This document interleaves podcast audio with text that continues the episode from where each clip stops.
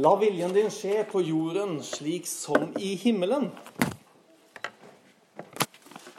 Det er en eh, svært mektig bønn. Og var det ikke fordi at det var Jesus som lærte oss det, så ville jeg sagt eh, at dette ble litt for voldsomt. Det var vel å ta i litt. Det, jeg syns det liksom tenderer til herlighetsteologi. Gjør det ikke det? For hvordan er det i himmelen, om ikke herlig? Himmelen, det er ordet Et annet ord for det høyeste.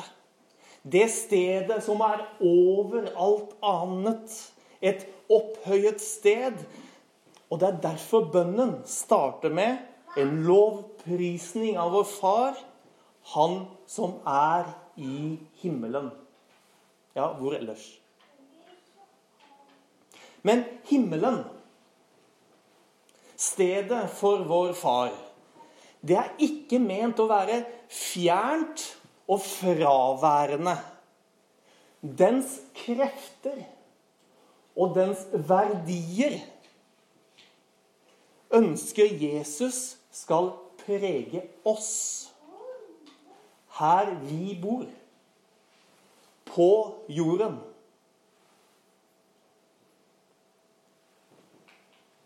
La viljen din skje. La. For, som f.eks. i 'la det skje', eller 'la komme det som komme skal'. Det er en veldig passiv form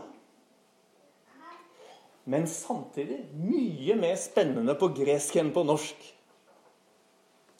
For den greske 'la' betyr å bli, være, bli født, bli skapt. På engelsk 'be created'.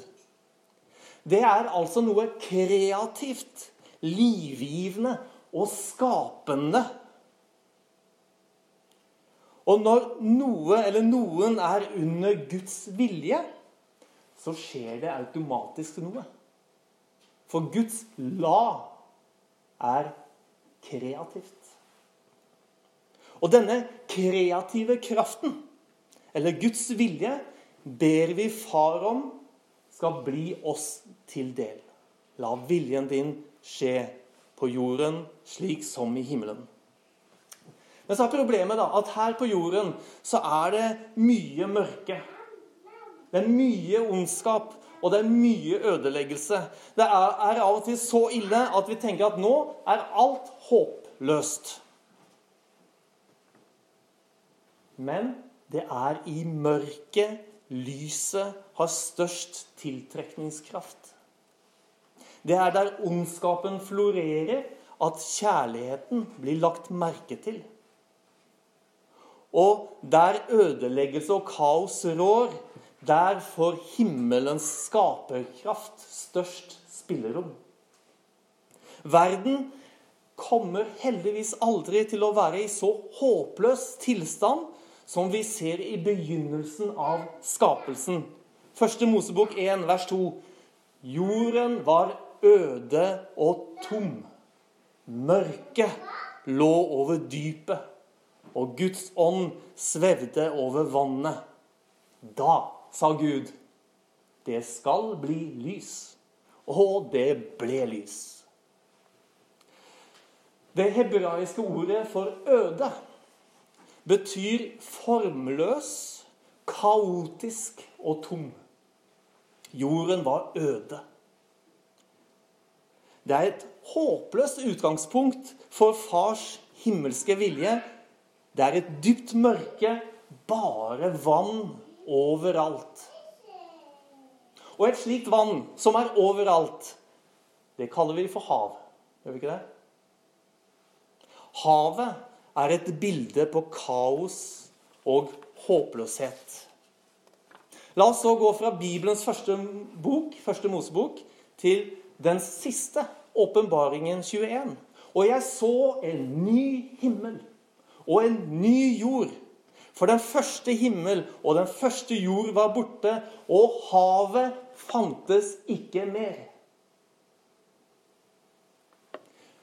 Guds endelige løfte er at alt dette som ble skapt av kaos, og som vi enda merker preger vår verden, skal bli erstattet med noe nytt. Og jeg så den hellige byen, det nye Jerusalem, stige ned fra himmelen, fra Gud. Gjort i stand og pyntet som en brud for sin brudgom.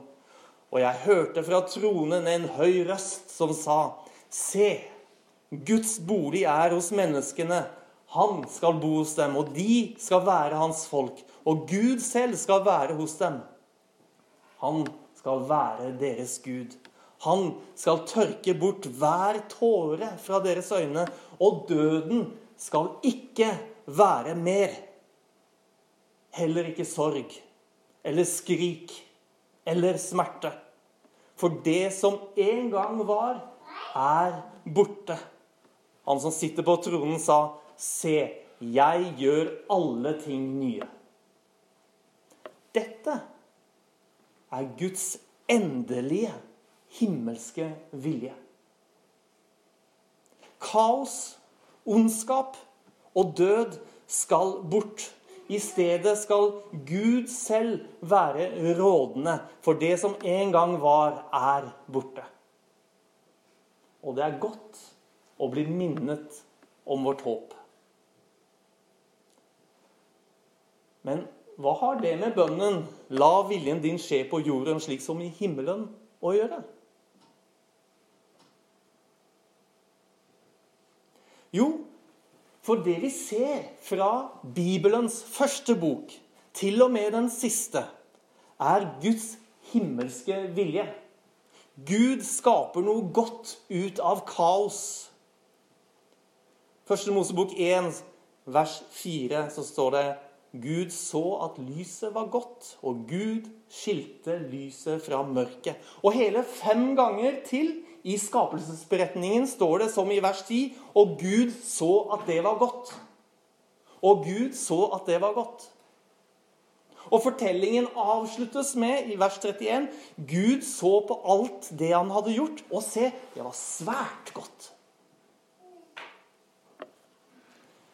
Jakob 1, 17 så står det All god gave og all fullkommen gave kommer ovenfra fra ham som er himmellysenes far. Hos ham er det ingen forandring eller skiftende skygger. Dette er Guds himmelske vilje, det som er godt. Når vi så lærer å be 'La viljen din skje', så er det en overgivelsesbønn. Vi overgir vårt og verdens kaos til Guds skapende og kreative vilje. Hva betyr det? Se for deg et eksempel. En person som faller og slår seg.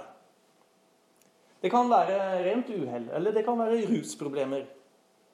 Og så, mens vi holder på å gå forbi, så ber du bønnen La viljen din skje.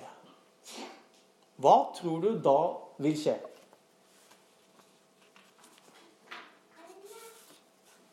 Kommer det en himmelsk ambulanse og Guds engle her som ordner opp?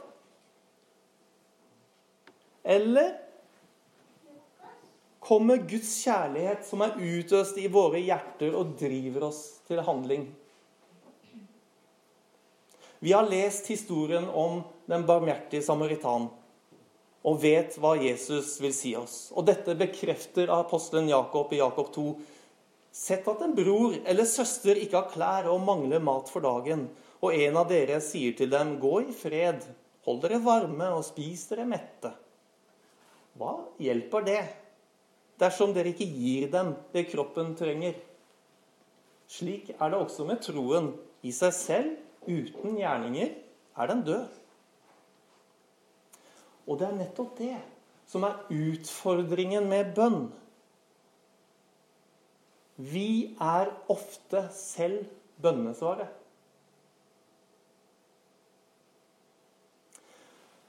Tidligere så har jeg forstått bønnen 'La viljen din skje på jorden slik som i himmelen' mer som at over, Gud skal overnaturlig gripe inn med tegn og under. Det er bare det at tegn og under skal ikke være vårt fokus.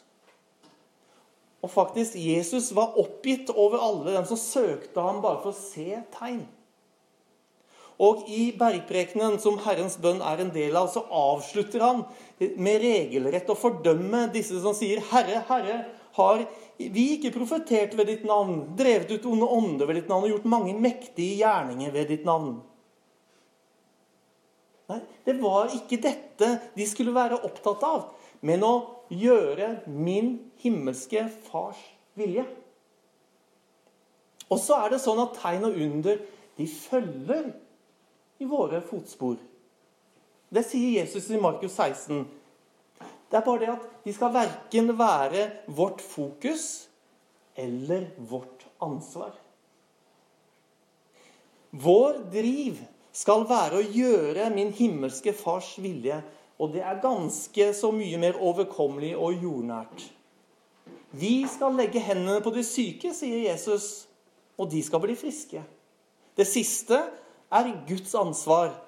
Å berøre de syke med våre hender og omsorg, det er vårt ansvar. Og som følge av det vil helbredelse komme. Og jeg tenker med en gang Guds overnaturlige helbredelse. Ja, det hender. Men jeg kan fortelle en historie da vi var i Agalometti i, eh, ved Blånildalen i Etiopia. Eh, så var det en guttunge, tolv år, rundt der, som eh, satt under et tre. Og så falt det en tung grein på ham. Dette er sant, altså. Det falt en stor, tung grein på ham, og magen spratt opp. Innvollene falt ut. Han overlevde fordi det ble ikke skadet, innvollene. Men magen var oppe. Eh, eh, folk kom løpende til oss som hadde eh, misjonærmøte. Hva skulle vi gjøre? Vi kunne satt oss på kne og så kunne vi bedt 'La viljen din skje på jorden slik som i himmelen'. Ja, det ble bedt bønner. Det kan jeg trygt fortelle deg. Men det skjedde også handling. Vi la hendene på den syke med vår omsorg det var en som hadde hatt tjeneste i, i, eh, på sykehuset og visste at når et lite nyfødt barn som har blitt født altfor tidlig, ikke har allting på plass, så pleier de å pakke det inn, sånn at det ikke innvoller og sånn forsvinner eh, vekk fra kroppen. Så hun hadde en idé. Finn fram eh, eh vann til radiatoren, for det er sterilisert. Hell det over, ta en dyne og pakk det rundt barnet og legg han forsiktig inn i eh, bilen. Og så humpa vi av gårde. For det var ikke hadde gasspinn rundt også. Madrass. Ja. Så han var godt pakka inn, og masse radiatorvæske. For å holde innvollene våte. Ja. Og der humpa denne guttungen av gårde i sakte fart. Seks timer på veldig humpete veier. Jesus sier 'legg hendene på de syke, og de skal bli friske'. Ja, vi skal legge hendene på de syke, vi skal vise omsorg, praktisk omsorg. Og den gutten, takk og lov, levde videre etterpå. Og det er jeg må si, det er, det er intet annet enn et mirakel.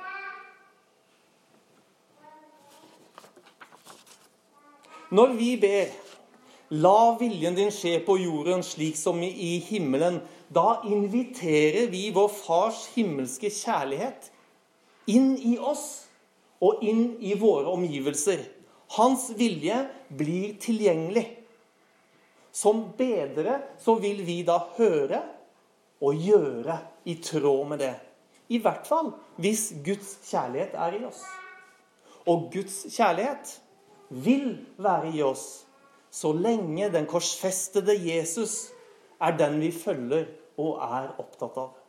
Troen på Jesus, han som ga sitt liv for oss, gir oss del i Guds kjærlighet. Og driver oss til gjerning og sannhet. Og denne kjærlighetens vei går gjennom korsets selvoppofrelse. Slik det står i 1. Johannes 3, 16. Hva kjærlighet er, har vi lært av at Jesus ga sitt liv for oss. Så skylder også vi å gi vårt liv for våre søsken. Men den som har mer enn nok å leve av, og likevel lukker sitt hjerte når han ser sin bror lide nød, hvordan kan han, han ha Guds kjærlighet i seg? Mine barn, la oss elske, ikke med tomme ord, men i gjerning og sannhet. Dette kaller jeg sann herlighetsteologi. Ikke hvor vi blir spart for mørke, ondskap og ødeleggelse, men vi blir slike som formidler vår himmelske Fars vilje inn i livets mange vanskelige situasjoner. Som en i menigheten ofte sier for å gjøre verden bedre. La viljen din skje på jorden slik som i himmelen. Det er en vanskelig bønn å be. Det er en spennende bønn å be. Det er en bønn som er verdt å be.